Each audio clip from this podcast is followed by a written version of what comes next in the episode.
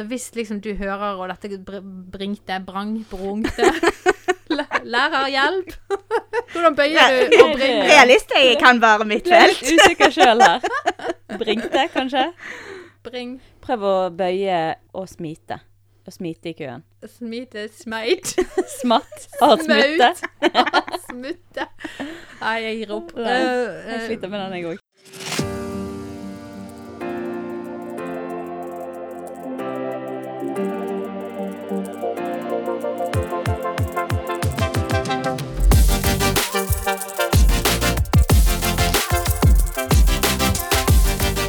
Da var vi i gang. Tra-la-la-la-la-la. Trine prøver å fornye seg. etter eh, nok et eh, middels forsøk. Takk, takk. Neimen, alle sammen, hjertelig velkommen til Mammas hjertepodkast. Det her er andre uke på rad. Jeg sitter med to gravide damer foran meg her, eh, så det skal jo bli spennende og interessant. Ja, kanskje du prøver å få, eh, få noen gode sånne gravide klikkebyer. eh, Stille litt sånn ekle spørsmål, så se hvordan vi reagerer. Mye hormoner. inn Hormontroll. litt sånn drama. Ja, det kan jeg være med på, for det er der jeg, jeg er god til å skape drama. Nei da, jeg tror jeg tror ikke det. Men eh, Susanne, kjempekjekt at du er med oss i dag. Det var stas. Du har vært med oss før en gang på podkast. Stemmer.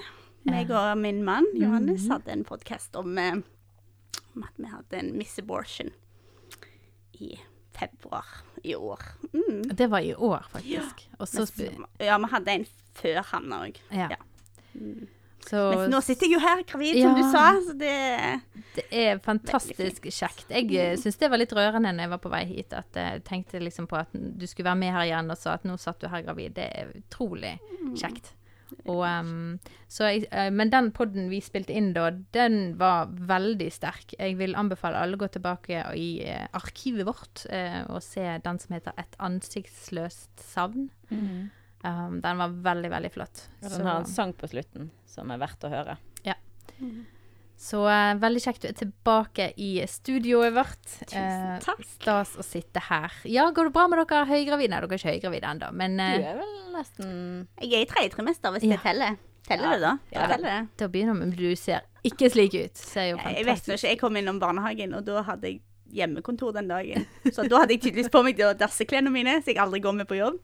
Også, Bortsett og da fra i dag. Bortsett fra i dag, når jeg måtte ta vikartime litt på tampen. Og da spurte de barnehagen ja, er du ute i permisjon da? Og jeg bare nei! jeg, bare, jeg bare går i joggebukse, OK? Ikke plag meg. Eh, Men, eh, så det, men det blir jo rett over jul. Går Rett over jul, ja. Går ut i permisjon, så forhåpentligvis kommer ungen i slutten av januar. ja. Så det blir en 2021-babys. Ja, Ja. Det er positivt å være født på den siden av år, årstokken, holdt jeg på å si, for da kan de ofte drøye litt med skolestart eh, og være en av de eldste i klassen, og det ser jeg faktisk som en veldig fordel. Det har min eh, midterste jente vært, og det har vært veldig positivt Mm. å kunne få vokse. Modnes et eh, halvår til i barnehagen.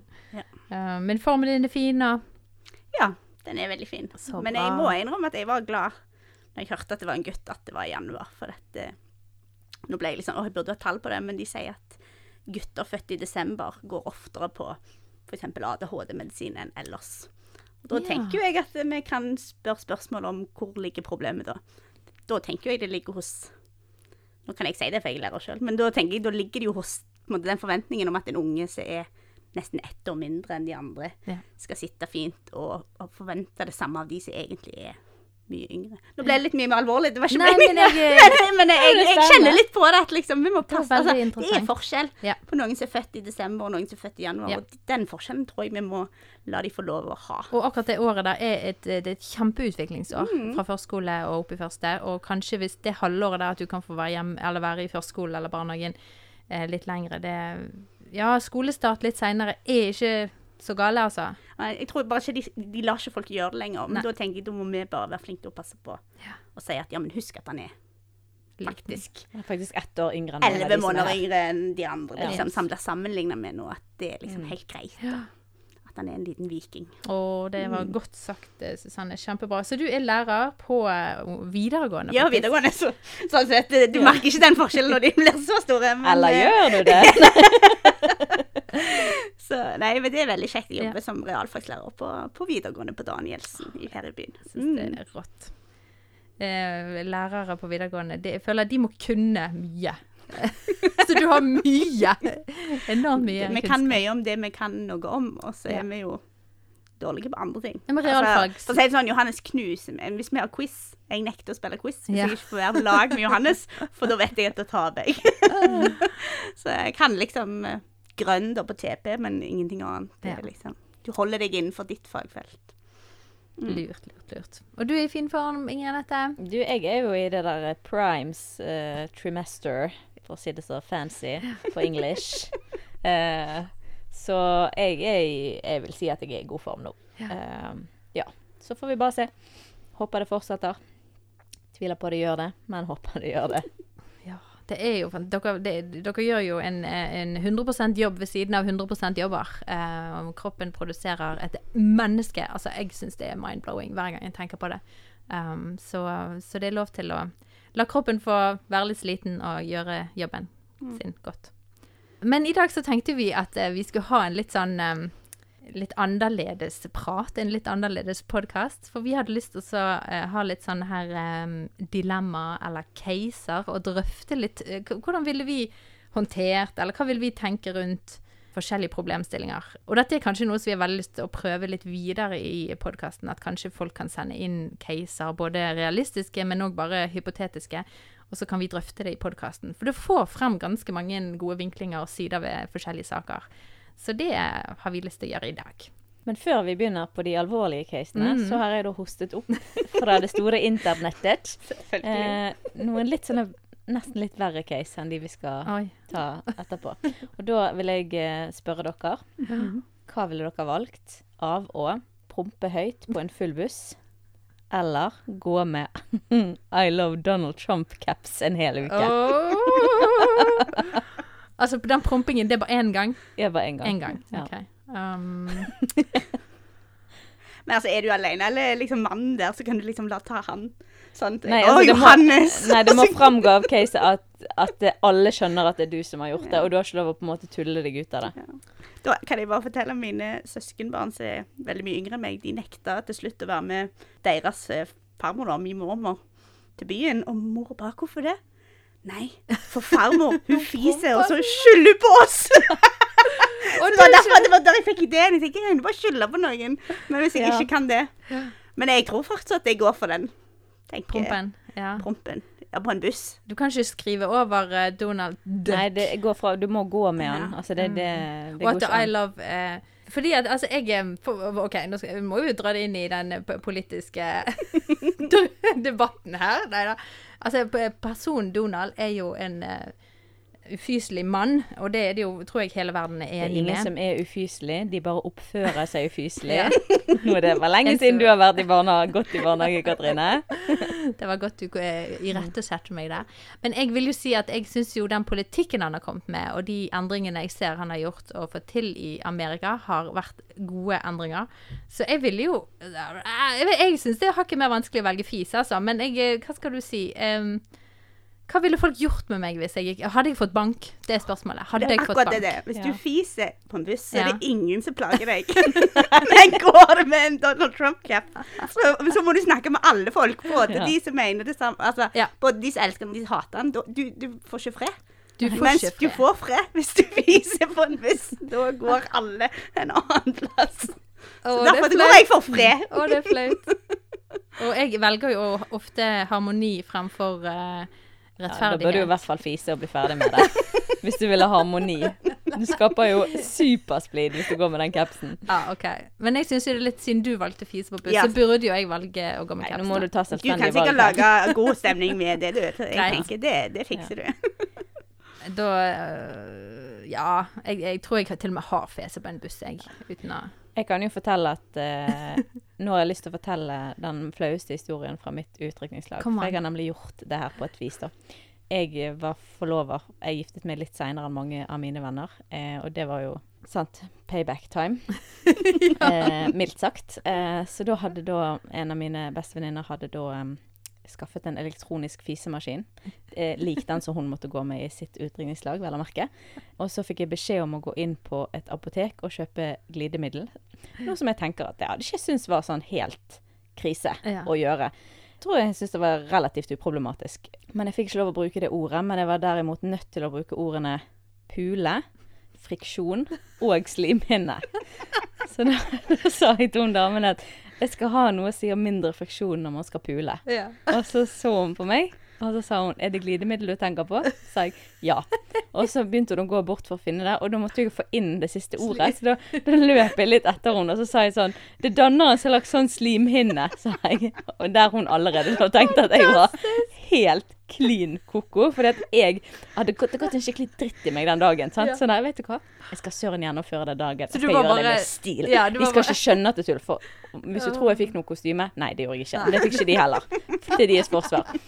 Og så, når jeg da sto der og skulle betale med denne samme damen som trodde at jeg var clean kokos, så trykket hun på knappen. Ja. Mm. Og da gikk fisemaskinen av. og det er sånne ekte fiser. Og så eh, tenkte jeg nå kan jeg begynne å le og avsløre det hele. Men det var jo gått en dritt i meg, så bestemte meg for at jeg skal gjennomføre denne dagen. Så jeg så henne rett inn i øynene, og så sa jeg beklager. Som i yes, jeg fes. Ja, du hørte det. Beklager. Så jeg ville ikke den var, den var vond, altså. Ja, Nei, hun- du klarte å stå i det. Det er Mm. ja, Takk det hadde, til Der hadde nok med eh, Jeg klapper. Ja, ja. Vi hadde ikke holdt maska, tror jeg. Nei, jeg hadde droppet eh, Fordelen med å være en T, du kan skru av følelsene Ja. dine. Ja, Sant? Med å være en logisk. Og da blir det bare enda morsommere, da. Men kanskje ikke du syntes det var så morsomt Eh, akkurat. Er hysterisk morsomt. Ja. Men det var jo det som var trasig med det, var jo at det var på Bystasjonen. Og for de som bor i Bergen og har barn, så vet at det er den eneste døgnåpne eller sånn det, det er nød der som man må gå hvis alle andre apotek er stengt. Så det var noen år der jeg tenkte at kanskje Anders skulle få kjøpe de Paracetene vi trengte, da. Eh, Eller hva det nå måtte være. Men eh, så da med, den, med det så vil jeg bare sende en takk til Kristin Ferstad Ja. for eh, godt uh, påfunnet spøk. Wow. Godt Ja. eh, stått i, altså. Oi, oi, oi. Kjente at jeg eh, tenkte jeg hadde nesten litt bedre venner enn deg. Jeg slapp sånt. Ja. Ja, sant. Man, man høster som man sår, som det står så fint i, i Bibelen. ja. Yes, er dere klar for neste case? Uh, jeg vet ikke helt, er vi? Svette. Ehm, sant, nå blir det jo kanskje litt sånn nedtur med dette caset her, da, men altså vi kan jo Jeg tror kanskje vi bare tar to, for det, jeg tror det andre blir litt nedtur. OK, er du klar? Ja. Dere. Vil dere alltid drasset med dere en tjukkas? Uansett hvor dere gikk? Å, så er det slitsomt. Eller alltid gått rundt med en påskrudd motorsag? Oi, Sykt stress. Det er stress. Altså, jeg tenker, hva er verst? Den lyden, eller liksom at du har, du har sånne grøsser på approach til alle du møter, til unger og alt. Så det var sånn Det er kjempetungt å drasse på en tjukkas. Ja, for jeg tenkte tjukkas, det er jo det, Du kommer ikke, Kommer deg ikke langt. Du kommer ikke deg inn på bussen, for eksempel. Nei. Jeg vet ikke om du kom inn med en svær motorsag heller. Nei. Kan være det blir ut. Nei, uff. Påskrudd. Unnskyld. Jeg skal bare inn her. Inn i butikken og kjøpe melk med litt motorsag, liksom. Eller tjukkas. Eller, eller tjukkas. Nei, jeg vet ikke om det var ikke noen gode valg her. Nei, altså, jeg tror jeg vil velge tjukkas, for da kan jeg, altså, da tar jeg livet med ro. Jeg kan legge meg ned og hvile imellom de metrene jeg får gått. Og så får livet liksom legge seg til rette deretter, Bare liksom. gå litt treigere, rett Ja, og slett. og så får folk møte meg. Jeg kan, jeg har samlingspunktet opp på tjukkasen. Da kan folk komme og sitte og ha kaffebesøk der. Podkastopptak på, på tjukkasen. Ja, altså, jeg har jo faktisk gått på jordbruksskole da. Ja. Fikk seks i skogbruk. Så jeg har jo, har jo faktisk brukt motorsag. Men jeg husker jo at på slutten av dagen den ene gangen så skar jeg meg Du hadde jo vernebuksa da, heldigvis, men jeg skar meg i vernebuksa. sånn at han Du opplevde det, at han Ja. stoppet? Oi. Og da, og da tenkte og Det var jo fordi jeg var begynt å bli sliten. så jeg tenker at Jeg vet ikke om det var så bra for meg å gå rundt med denne motorsaga, for det hadde blitt tungt. Men, men tjukkasen er veldig øh, tung, den òg. Men poenget er at jeg tror jeg hadde blitt Da måtte jeg hatt vernebokser. Ja, for hvis ikke Ja, hadde jeg sikkert dødd. hvis jeg hadde gått rundt med denne De blir tunge, de òg. Ja. Oi, oi, oi. Nei, den var god, altså. ja, det var gøy. Det er ikke, det er ikke lett å velge mellom to, og to onder. Nei. det er ikke det. Hva ville du valgt, da? Nei, jeg tror jeg følger ditt resonnement, altså. Ja. På den med tjukkasen. Det er styr å gå rundt med en motorsag som er båtskrudd. jeg er jo litt lat av meg, sant? så det der å kunne bare legge seg ned på denne tjukkasen når Ja. man er trøtt Denne motorsagen blir man jo ikke kvitt. Nei. Jeg har Kvitt veldig mye andre ting, da. Folk og Ja, ja, men det vil jeg jo ikke. Jeg er jo veldig glad i folk, så veldig, veldig gode dilemmaer. Ja, det var gøy. Da eh, hadde vi to andre litt mer sånn eh, realistiske dilemmaer, hvis du kan mm. si det. Eh, disse var jo ikke så realistiske, selv om å fise på en buss kan jo man Det kan skje. Ja. Um, så hva var det første? Det var jo to ting vi tenkte på, så kanskje vi kommer på noen eh, andre underveis. Men det første vi tenkte på, det var jo dette her med Altså for å si det Bare si på en måte overskriften, da. Sånn når ungen din Hvis du har en unge som drømmer over evne. Ja, du kan jo utfylle litt hva det kan for være, Susanne. Ja, for det er, Nå har jo jeg bare Hanner. jeg føler liksom Den oppdragelsen han driver med der, er jo veldig sånn begrensa. Hun gjør det Jeg tar henne med der, hun skal være, og liksom sånn. Men så, jeg er nok litt spent på hvordan blir det når ungene blir større. Større. Hvor gammel er Hanna? Hanna er bare to. Ja. Sant? Men jeg, nå er jo jeg eh, lærer på videregående, f.eks. Og, og det å se mange som måte strever og syns at det er veldig tungt med skole så Nå har jo jeg realfag i tillegg. Så da har jeg liksom tenkt hvordan er det hvis, hvis elever, eller liksom hvis ungen din vil mye mer enn en kanskje den psykiske helsa klarer. Sant? At den rett og slett sliter seg ut. At du ser at eh, dette går ikke. Sant? I lengden så, så vil denne mer enn en det den klarer. Eller eh, liksom sant, De som sender ungene på sangkonkurranser, så kan de ikke synge. Så har de liksom blitt fortalt hele livet at de kan synge. Altså hvordan, hvordan møter du en unge som vil mye mer enn en den kanskje får til, da? Eller du tenker han klarer. Da blir det liksom kan, kan du si noe? Er det hvem er jeg til å si altså, ja. Ja. Hvordan tenker du? Ja, nå spør du meg. Ja, nå spør jeg deg! Eller hva ville er dere gjort, liksom? Hva gjør dere hvis dere får en unge som kommer hjem, og du tenker ja, der bomma de litt på Ja. hva de vil klare å oppnå? Og da, da, da tenker du generelt bare sånn eh, Det er ikke konkret eh, drømmer og jobb de vil gjøre, eller eh, karriere, men det kan òg være type skolearbeid. Ser du for deg det? For eksempel at det, det er Eller noen som fysiske ting. Altså hvis de vil bli fotballstjerne, og du bare Ja. tenker sånn Ja. Du er ikke så god, liksom. Det kommer du sannsynligvis aldri til å bli. For Ja. det er du sant? Hvis jeg ville blitt Jeg har jo ikke Jeg måtte bli leid over en dørkam da jeg var to. Sant? Alle skjønte at jeg ikke kom til å bli Kjersti Grimi. Kanskje folk er for ung som hører den her til å vite hvem det er. Ikke en håndballspiller? Jo. jo da. Sant? Altså Ja, eller de vil bli profesjonelle gamere, da. Ja. Tenker jeg det er dårlig. Altså, når du rett og slett bare ikke er enig i deres ambisjonsnivå. Ja. Jeg kan begynne, da, Ja. eh, siden du spurte meg først. Ja. Tusen takk for det. Eh, veldig spennende tanke. Jeg må jo si at jeg brenner kanskje litt eh, mer enn normalen for dette med å følge drømmene sine, og, og gjerne heie frem drømmer hos folk. For jeg ser viktigheten av å sette seg et mål og jobbe mot et mål. Hvordan det drar ut det beste i oss, og, og vi kan øve oss til å bli så mye bedre enn det ofte vi, vi setter. Hvis vi er litt sånn janteloven mm. i Norge, norsk kultur, da, så, så er det litt sånn alle skal være like. Du er ikke noe bedre enn noen andre. Eh, ikke tro at du kan noen ting, egentlig. Eh, og der syns jeg den eh, amerikanske kulturen har noe som jeg har lyst til å lære ifra. Det er dette med å heie frem det gullet som den ene har, da.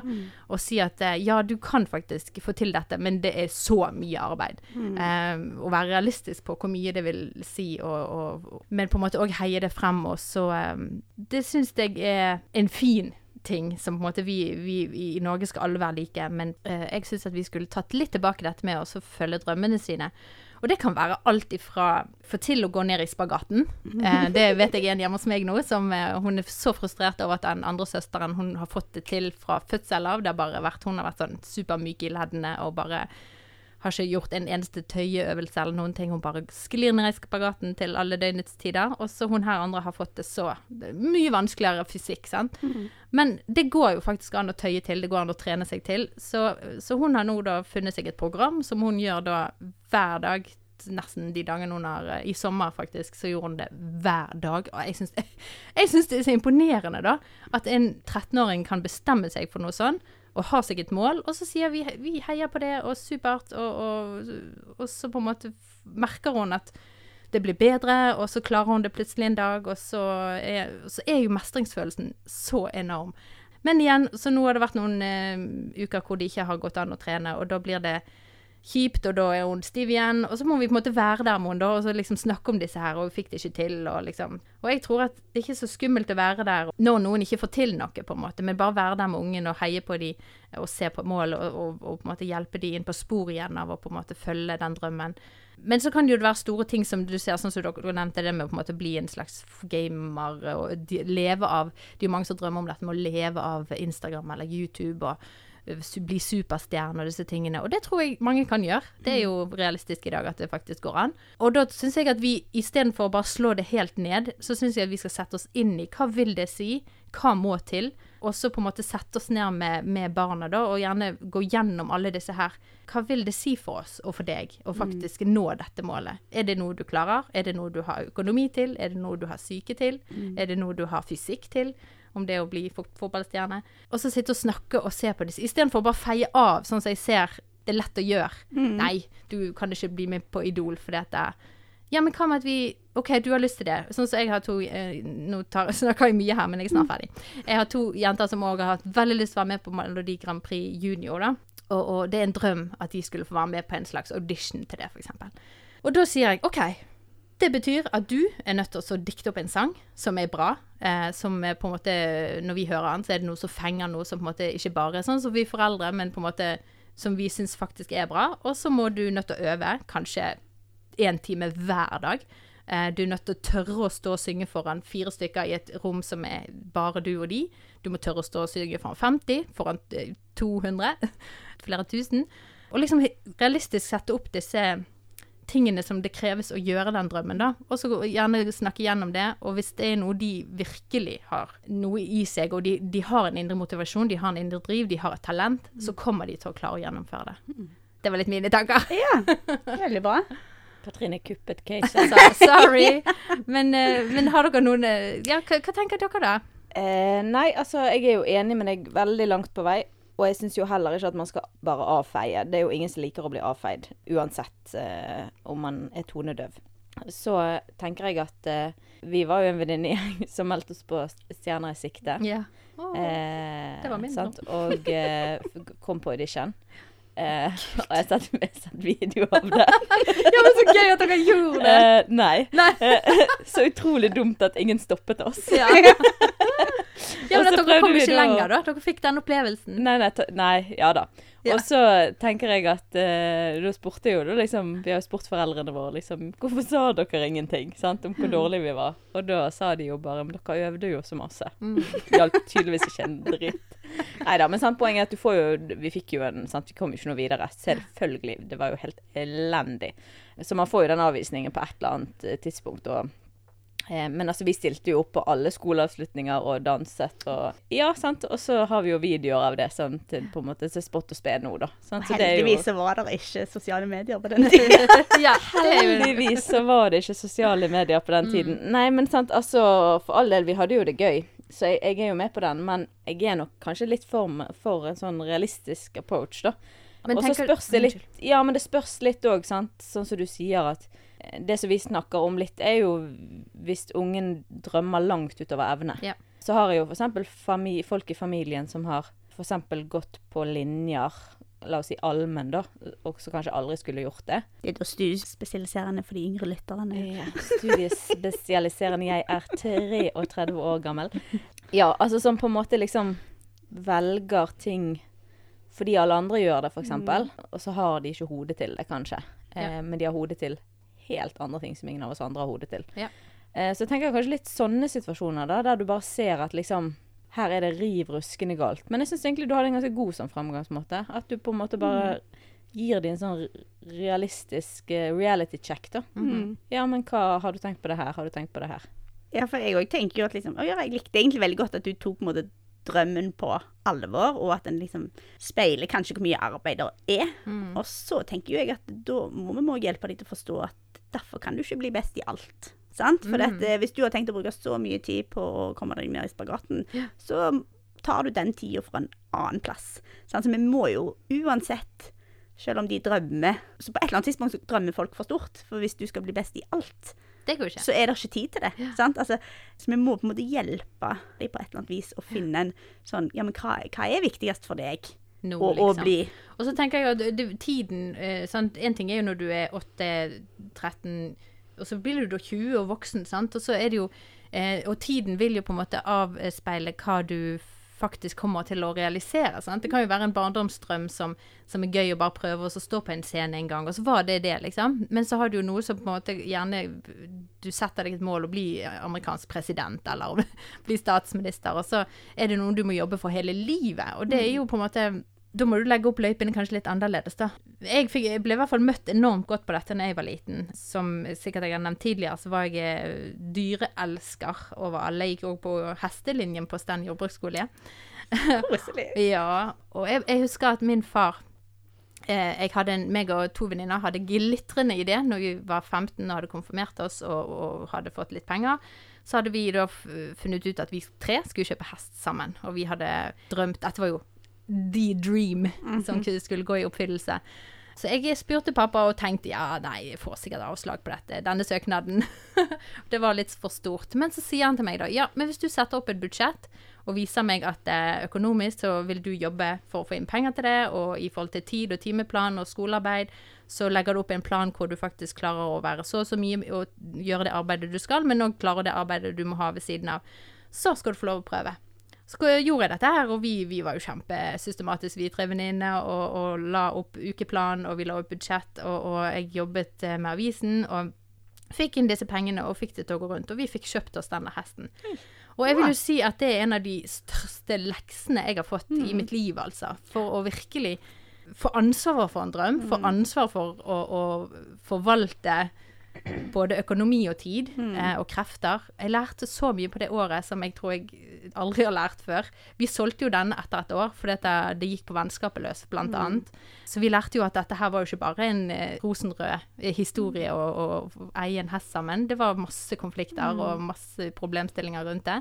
Men sant, du lærte jo enormt mye. Og jeg tenker at sånne lærings... Ja, la man gå litt i grøften den ene gangen, for man lærer så mye ut av det. Og så kan man hjelpe de opp og si ja, da selger vi, og da går vi videre, og så gjør vi noe annet. Og så liksom Men jeg tror jo det, det som kanskje er litt nøkkel i det her, da, det er jo dette her med reality check. Sant? Du fikk den på en måte lærepengen i det.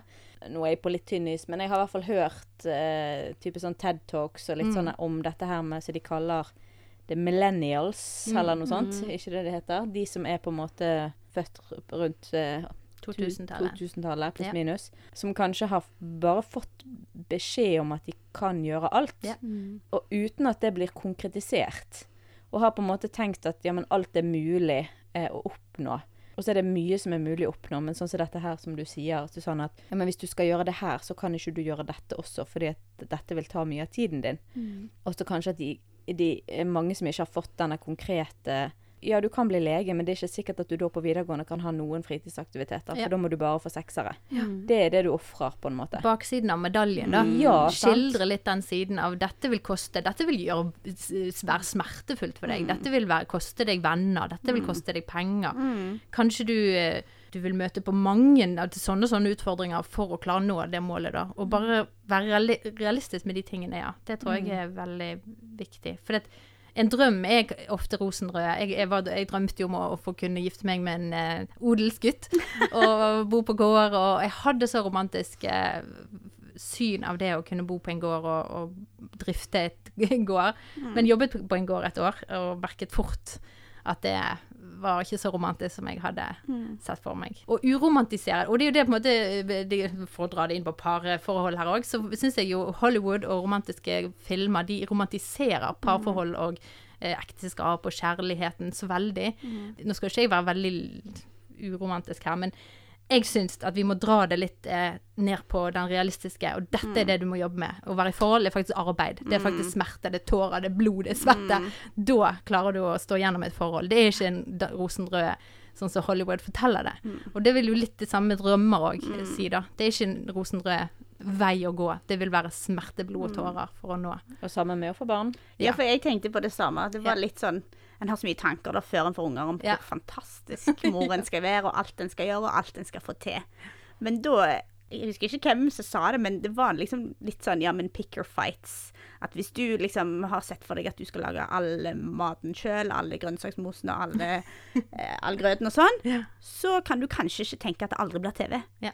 For det blir vanskelig å få til. At det, liksom, det er noe med at jeg kan godt gå inn for en ting og gjøre den ordentlig, ha det som et mål, at det skal kjennetegne meg som mor. Ja. Men da kan jeg ikke òg liksom sammenligne meg med en sånn fantastisk Instagram-konto, familie som aldri liksom ser på TV. Så, Ja. Sånn skal jeg òg gjøre, sånn skal jeg òg gjøre. Jeg kan ikke plukke. Nei. Jeg kan ikke plukke å være best i alt, men jeg kan på en måte plukke noe. Men da er det det jeg Gir går for. og det, ja, og, Ja. Det liksom, og kanskje det er hemmeligheten, da, en må også fortelle. Bare noe oss sjøl, når vi kommer i nye situasjoner, så har vi nok tanker som går ut forbi det som egentlig er fysisk mulig, da, hvis du skal få til alt.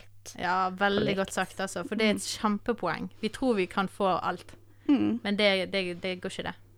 Eh, Verken i som forelder eller parforhold eller eh, Veldig bra sagt. Skal vi hoppe til Ja. neste? Hit me with it! Jeg håper dere som lytter får synes at det er like spennende som Vi er meg. sånn. Eh, ja, neste case er jo da hvis du har et barn som kommer hjem fra skolen og sier at de andre er stygge med deg. Mobbet, da, rett og slett. Eh, ja, Eller? mobbet eller ertet eller eh, ulik grad av det. Og så snakker du med læreren, og så sier de at ungen din er like stor del av problemet, Ja. og kanskje er den som ofte begynner. Hva Mm. gjør du da? Hva gjør vi da, Susanne? Ja. Ja. Du jobber på skolen. Har du opplevd litt sånne situasjoner? Altså, jeg tror ikke noen som har opplevd lignende hvis jeg f.eks. har gitt beskjed om at den eleven er tatt for juks, og så blir en liksom ikke trodd på at eh, mitt barn kan jukse. Ja, merker du at foreldrene er veldig i barnas eh, forsvarer... Eh, Ja, eller Problemet er jo at de, de har veldig høy tillit til barna, og det tenker jeg er bra. En skal stole på barnet sitt. Men Ja. da blir jeg sånn Ja, men jeg òg jukset da jeg var liten, og mine foreldre hadde aldri trodd om meg. Men jeg gjorde det fordi det var så det var så tilgjengelig. Det var at jeg var på barneskolen. da. Jeg gjorde det helt til jeg ble tatt, og jeg gjorde aldri mer. Det var jo helt forferdelig å bli tatt. Ja. Da, derfor blir jeg sånn Ja, men jeg skjønner at du har lyst til å tenke at dette ville aldri ungen min gjort, men hvis han blir tatt for noe, og han tenker at det beste er jo å så nekte for det Ja, jeg vet ikke. Så det er kanskje det jeg opplevde, at liksom Jeg, jeg forstår godt at du stoler på barnet ditt, og ikke på meg, for du kjenner ikke meg, men, men jeg har ingen interesse av å si det hvis jeg ikke Nei. tror at det er sånn. Mm. For den syns jeg vil spinne litt videre på den. da, Ja. For jeg synes det, hvis, det må, hvis noen er stygg med deg, så er det jo en mye mer komplisert sak. sant? Og vanvittig mye sårere hvis man ikke ble møtt på det på en god måte. Mens eh, sånne ting som juks og fanteri, da, Mm. eh, der er nok jeg en litt sånn eh, Mer sånn eh, litt brutal oppdrager, da. Som tar veldig fort parti med læreren. Eh, og spesielt eh, i situasjoner der f.eks. man har hatt en del hendelser med lyging og sånn, så kan jeg bli utrolig sånn kynisk og bare si ja, men du ligger jo til vanlig, så hvorfor skal vi stole på deg nå? måte. Og så la det på en måte være litt lærepenger, da. Av at på en måte Ja, men hvis du hadde på en måte faktisk ikke løyet hver eneste dag om alt mulig annet, så hadde vi kanskje trodd Nå overdriver jeg. Men poenget er at ja, jeg hadde jo òg foreldre som på en måte var sånn Alle tenåringer lyver. Vi kan ikke vi kan ikke vite at våre ikke gjør det. Og gikk veldig inn, f.eks. i tenåringsfasen med eh, ikke mistillit, men realisme rundt at tillit skal vinnes. Ja. Eh, og så var jo jeg da en sånn eksemplarisk Jeg var jo sur som alle andre, men, men som var der jeg sa jeg skulle være, kom med den bussen jeg sa jeg skulle komme med. Ja, Som man kunne stole på, da, og fikk tillit etter det. Men at på en måte ja, ikke, ikke ta for god fisk at din unge ikke kan finne på fanteri, da. Ja, men la oss si at det, læreren sier at 'jeg så ungen din røyke bak eh, skuret'. Og det er en ting som du Det blir litt sånn eh, overraskende informasjon, da. Som på en måte du aldri ville trodd at denne ungen gjorde. Hvor mye ville du da utforsket, og på, eller på en måte eh, Jeg ville trodd læreren 100 Ja, jeg, gang. jeg skjønner ingen grunn til at en lærer skal ringe til meg og si 'jeg har sett ditt barn røyke'. Uten grunn. Det, det, det, klar, det, hodet mitt greier ikke å fatte at det skal være Hva intensjonen vil den læreren ha? Eh, og lærerne kjenner jo sine elever. De ser jo ikke feil. Altså, jeg ser, jeg ser ingen grunn til å da tro på barnet. Ja, men jeg syns det er et veldig eh, godt poeng, og på en måte litt i forsvar av uh, Susanne her, sant? At, at det er så mange foreldre. For jeg har har hørt det at det er mange lærere som møter foreldre som forsvarer barna sine sånn, og står på deres sak. Som de gjerne kan gjøre på hjemmebane, og møte de på en god måte. Sant? Og ikke bare sånn der bare stå med læreren eh, side ved side. Men man kan jo møte barnet følelsesmessig selv om man egentlig er enig med den voksne. Men, men det er så viktig. Jeg er helt enig med deg, Inger Nette, på at hva har en lærer å hente på å bare si sånn Ja, eller ringe for juks. Ja. Altså, jeg har tatt barnet ditt i juks. Hva i alle dager skal den læreren tjene på? Det er jo ikke en gøy telefon å ta. Nei. Det er liksom 'Å, i dag skal jeg ringe og si til noen.' Det er skal jeg skal. Altså, akkurat som ikke de har nok å gjøre på, liksom. Så jeg er litt sånn Men det betyr ikke at jeg da hadde bare stilt meg opp med armene i kors og vært elendig mot ungen. Altså, det er ikke det hvordan man håndterer det på hjemmebasis, eh, tror jeg jo og håper at jeg greier å håndtere på en pedagogisk måte. og ja, sant? Å håndtere det på en grei måte og snakke om hvorfor og gå til bunns i ting og alt dette her. Men det å på en måte ta barnet i forsvar på en måte i en sånn sak som jeg mener er veldig enkel, da. Eh, som juks og røyking eller sånne Ja. Ja, for jeg tror det ofte òg handler om at det er jo ikke det at de ikke vil, vil møte læreren, men det er jo noe med at hvis barnet kommer med en, en forklaring som på en måte kan være sann Jeg bare holdt røyken for noen andre. Ja, for Litt- eksempel. ja, for eksempel. Sant? Jeg bare holdt den for noen Ja, andre, ja. eller du liksom kommer med en eller annen sånn vill forklaring, Mm. og, så, og så liksom velger du på en måte å tro på det, og det tenker jeg er kanskje fordi at det er jo mye enklere å tro på det, for dette, da ødelegger ikke du det bildet du har, eller Men da liksom. tror jeg blir litt sånn Ja, men du burde aldri vært i den røykekroken. Eh, da tror læreren at du tar det. Da får du ta tilsvarende straff, og så får du sørge for at du ikke er eh, Ja. i den røykekroken neste gang. For det er da Hvis du holder en røyk, så tror de at du røyker. Og det var synd for deg at du gjorde det. Du burde ikke gjort det. Du burde aldri vært der. Absolutt. Jeg vil jo se det litt som to forskjellige samtaler. Sant? At den med læreren, der eh, vil du møte læreren og lytte til den sier, og ta inn den informasjonen og virkelig, og virkelig forstå det. Og det har jeg virkelig tatt til meg med mine barns eh, både barnehagelærere og skolelærere. Det at vi står side ved side for å gjøre det beste for dette barnet. Jeg er ikke den som sitter på fasiten. Eh, Jeg trenger disse folkene i mitt liv. Og på en måte holde deres ord og deres informasjon og deres eh, irettesettelser av og til. Gjerne veldig tett eh, inn til meg og si 'tusen takk for at du sier det', men, og, og, hjelp meg til å, å gjøre dette kanskje bedre, f.eks.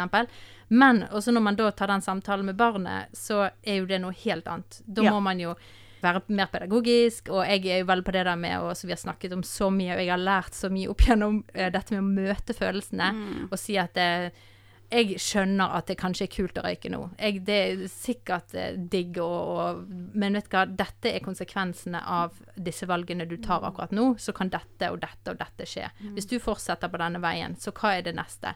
Hva, liksom, hele tiden pakke ut eh, og være med ungen i de tankerekkene der. Eh, og det samme gjelder juks og mm. lyging og disse tingene, da. Men bare for å dra den litt videre, hvis jeg får lov. Eh, Hvis en forelder ringer deg og sier at ditt barn dyttet min sønn, eller eh, det, Da er ikke det en slags Jeg lærer som er mindre nøytral. foreldre. Jeg Ja. stoler, jeg stoler mindre på andre foreldre. Ja, ja det, det forstår jeg. ja, for da er ikke det en nøytral person som eh, Da er det en annen som fronter en annen sak og en Mm. annen side av fortellingen.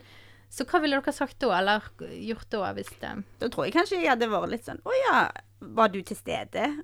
Og liksom spurt litt videre. Og så sannsynligvis har kanskje denne bare hørt igjennom sitt barn. Da hadde jeg sagt OK, ja, men da kan jo jeg snakke med mitt barn og høre hva, hva dens opplevelse var, situasjonen var. At en liksom For dette Og jeg forstår det òg, spesielt hvis en kanskje har hatt noen kjipe opplevelser sjøl, så tror jeg en er veldig forsiktig med Eller på en måte veldig var på ungene sine vegne, da. Sant? Så da tror jeg jeg hadde på en måte ja, bare spurt litt tilbake, vært litt åpen, og ikke liksom feid av. Men liksom Ja, men fortell, liksom. Hva, hva tenker du, og, og hvordan, jeg hvordan vet du det, og liksom eh, Har dette skjedd før? Liksom, sant? For hvis de var veldig gira og liksom veldig opprørt når de ringte, så har jeg jo kanskje tenkt eh, Var dette første gang, eller er dette noe du har hørt før? Er det derfor du tar det igjen? Altså at liksom en får snakket litt ut, da. Ja. Og liksom For jeg syns jo kanskje denne problemstillingen er hakket vanskeligere enn med en uh, autoritetsperson eller en slags eh, lærer og- eller noe sånt. da.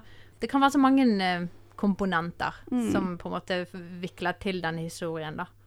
Ja, jeg synes, eh, Der vi startet, da, når det, hvis en unge kommer og snakker om det med at noen andre er stygg, eller noe sånt, det synes jeg, da syns jeg det blir mye vanskeligere. Fordi at en lærer kan si OK, men jeg har ikke den opplevelsen. Men en lærer er Det er ikke en helt en enkelthendelse nødvendigvis. Det er ikke på en måte eh, Jeg tok denne eleven i juks på denne prøven. For meg er det en helt grei sak. Eh, som jeg hadde syntes var veldig udramatisk eh, å håndtere.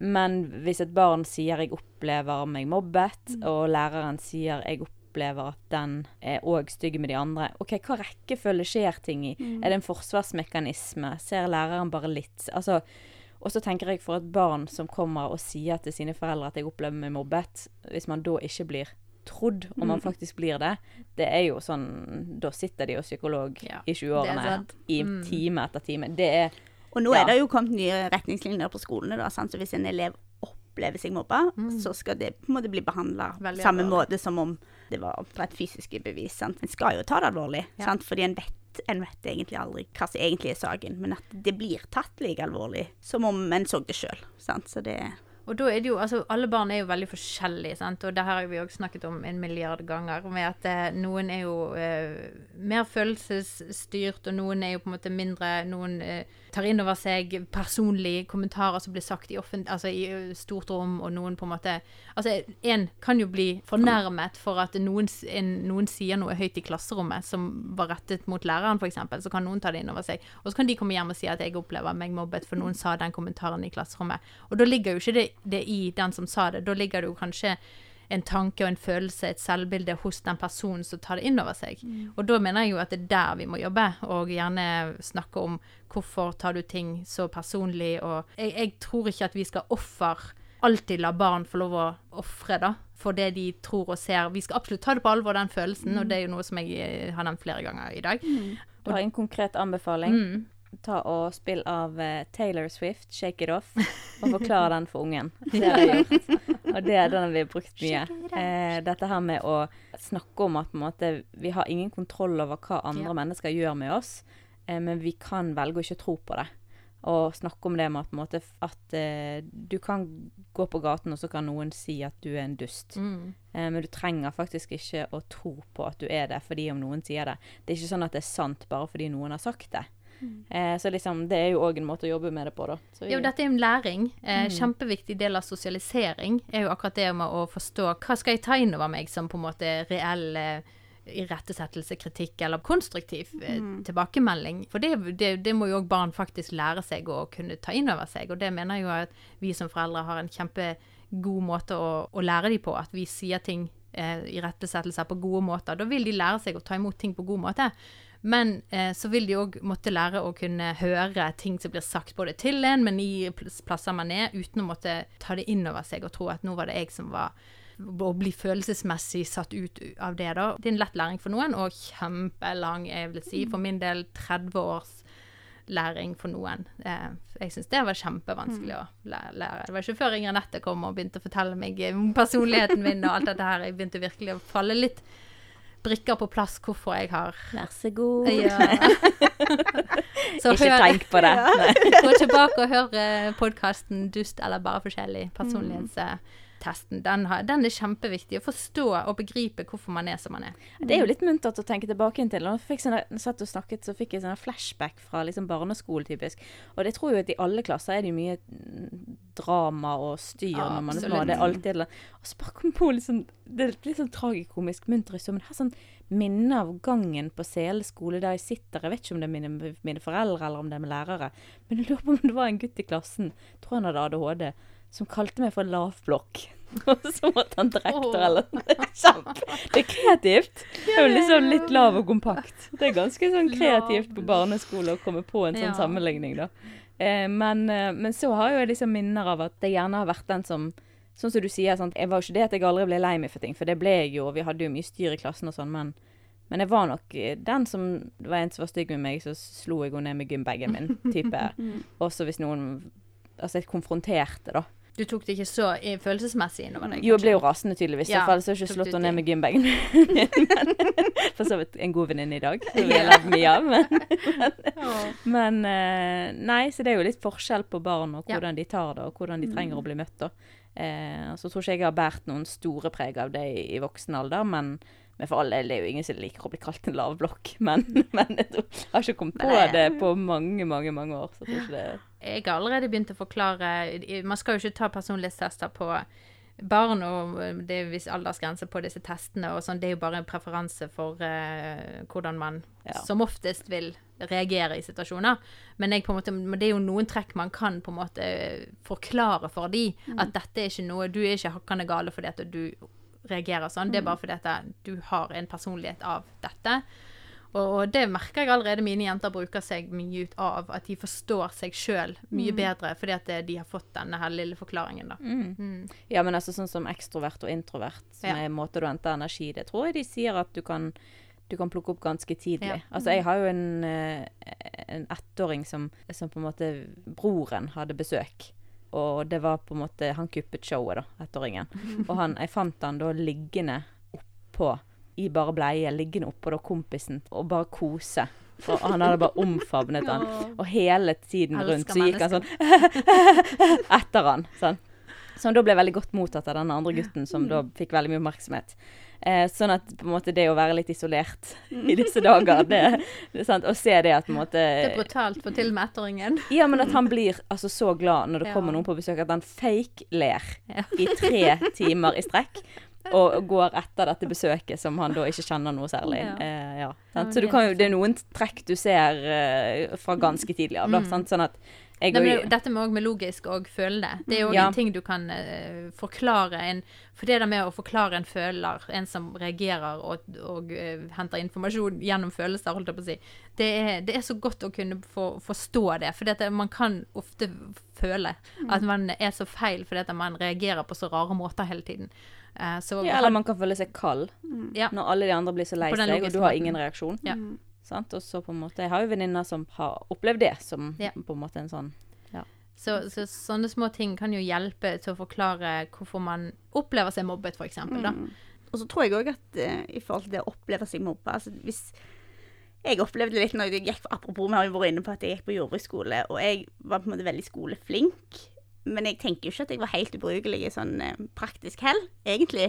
Men så var det liksom ofte det ble tulla med det at jeg var på en måte så skarp at det tippa over. Sant? Så jeg var ikke så jeg var ikke så flink sånn praktisk. Altså det var på en måte Det, ble, det var en tull, men så ble det tulla med så lenge Mm. Ja. at til slutt så klarte liksom ikke jeg å sette på melkeapparatet rett vei. Ja, Fordi at jeg det ble rett og slett bare Det prega da. Jeg ble litt usikker. Jeg liksom stolte ikke på meg sjøl og sånn. Så jeg tenker at det er jo kanskje noe jeg iallfall har lyst til å lære av mine unger. da. At Ja. liksom, En kan gjerne tulle med folk, men ikke tull med det samme. Hele veien. For da vil på en måte, uansett om de hadde god selvtillit på noe Hvis du alltid tuller med det samme, så blir det en sannhet sånn som egentlig ikke Og så er det noe med at ord skaper. Ja. Og, og, og det er òg en viktig ting å fortelle barn. At Mm. når du sier en ting, så er, skaper det en følelse, eller det skaper noe eh, i et annet menneske. Eh, enten negativt eller positivt. Så vær litt obs på det. Sant? At, sånn som det der, at ikke du sier den samme tingen om igjen og om igjen. For da blir det en Mm. For det var på en måte gøy Ja. to første gangene. Ja. Og så ble du litt sånn Ja. Liksom sant? Ja, Ja. det sier du nå. For nå har jo da min mann fått høre at han spiser så seint siden han var barn, at liksom, da er det ikke vits i å vente på Anders, for nå skal han hjem og spise, liksom. Vi kan ringes i morgen og sånn. Så kanskje hvis vi hadde sluttet å si det til han, kanskje han hadde spist litt fortere, faktisk. For det, Det er ofte har- motsatt det har psykologi som, Definitivt eh, blitt en sannhet, da. ja. At han spiser veldig, veldig seint. Ja. Nei, altså, eh, bare for å ta den uh, i en Ja. Jeg, jeg hadde dysleksi på skolen, syntes det var kjempevanskelig. Jeg var ikke eh, veldig smart. Men fikk jo høre det, sant. Både du ble tatt ut i klasser, og du fikk spesialbøker, og du fikk eh, Og alt dette var jo gode ting for å hjelpe og legge til rette. Men så ble jo det til at eh, barn plukket dette opp, og de kaller jo det for dum, sant. Og du, du kan jo ingenting. og og når dette blir en ting som blir eh, mer og mer på en måte nesten din personlighet, så, så blir jo det vokste, I voksen alder så føler jeg meg faktisk Jeg må jobbe med den tanken av at jeg har noe, jeg har noe å komme med. da. Jeg, har, jeg er smart. jeg har, Dette er jo ting jeg har jobbet masse med. Men det er akkurat det du sier, at det på en måte når ting over lang tid, så kan det oppleves som negative ting som vi skal ta på alvor. Så når et barn kommer og sier det, at jeg opplever meg mobbet, eller jeg opplever at dette er negativt, det er noen som sier noe til meg som jeg føler gjør noe negativt med meg, så tror jeg vi skal ta det på alvor. Men på en måte det er to forskjellige samtaler. Jeg tror Mot foreldrene og læreren så er det én type samtale. Vi kan lytte, vi kan være åpen, vi kan gjerne Spørre og grave og Ja, liksom. Mm. men mot barnet så er det en helt annen type samtale, da. Ja, for det, det, vi kan jo være sånn Nei, men du er jo ikke det. Sant? Hvis bare avfeie den, Ja. den opplevelsen de har. Men hvis de har hørt det mange ganger, så selv om vi ser at det ikke er sant, så kan jo de oppleve det som sant. Ja. Vi har òg Jeg elsker å gå tilbake. Vi har så utrolig mye gull av podkaster som ligger på listen vår. Det er jo litt vittig, for når vi skulle begynne å snakke om hva case vi skulle snakke om, så var det sånn Nei, det sa vi da. Nei, det sa vi da. Vi har hatt veldig mye bra. Og nå kom jeg på en til. Det er Ja. den der eh, som heter skolevegring. Eh, er det Ja. det den heter? Mm, tror det. Eh, For der òg gjelder jo det akkurat dette med at hvordan behandle både, Det var jo både fagperson, men òg hun har sittet som en mor og måtte deale med den utfordringen av et barn som mistrives så sterkt på en skole. Eh, Og da ikke ble trodd. og ikke ble trodd, faktisk. Og ble møtt veldig eh, feil, da. Og, og hva gjør man da, sant? Og Um, som forelder så er jo det en utrolig vanskelig situasjon å stå i. At eh, systemet sier noe. Barnet bare Du ser fysisk at de er liksom uvel av Ja. å, snakke om skole, gå på skole. Hva gjør du da, liksom? Ja, jeg må, det må være ganske vanskelig utfordring å stå i, altså. Mm. Så gå og hør den praten vi hadde med Linda Haugland tidlig i høst. Den var veldig bra. Nei, men eh, jeg tror vi skal gå mot avrunding. Dette ble en lang prat, men jeg syns vi fikk vært både innom morsomme caser, men òg eh, noen reelle, gode caser. Fått noen gode poeng.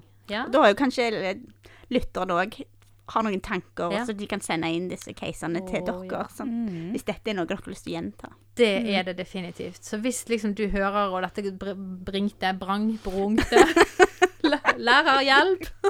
Hvordan bøyer du og bringer? Realist kan være mitt felt. litt usikker sjøl her. Bringte, kanskje? Bring, Prøv å bøye og smite. Og smite i køen. smite, smeit. Smatt. Har smutte.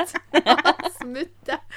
Nei, jeg gir opp. Nei, Eh, Jeg eh, sliter med den, jeg òg. Så hvis dette fikk opp noen eh, tanker og følelser, noen, noen reelle caser som du faktisk sitter med i dag, da du som hører på, så, så er vi altså tilgjengelig både på Mammas hjerte på Snapchat, på Facebook og på Instagram. Der kan du skrive til oss, og så er det en i eh, kjernegjengen vår som vil svare deg, og vi kan ta imot den casen og gjerne drøfte den på en podkast. Helt anonymt. Det trenger ikke være sånn at hun og hun sendte inn det og det, men at um, For det er flere, tror jeg, som kunne hatt interesse av å høre akkurat din type case. Du står ikke alene gjerne med den utfordringen du står med. Så uh, oppfordring der.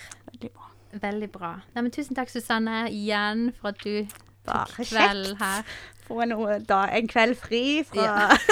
Det sånn, Bare sitte og skravle. Det er det jo er sånn vi må se det. Det er jo perfekt Og så ekstroverte imellom. ja, Som lider litt ekstra under koronarestriksjonene. det er sant.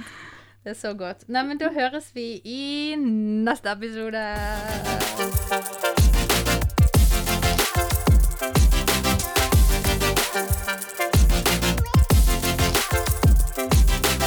Hvis du har spørsmål, tilbakemeldinger eller ting du tenker på rundt det vi snakket om i dag, så har vi veldig lyst til å snakke med deg. Du kan kontakte oss på Snapchat, Instagram og Facebook. Der svarer vi alle meldinger. Så skriv oss en melding. Vi har veldig lyst til å chatte litt med deg.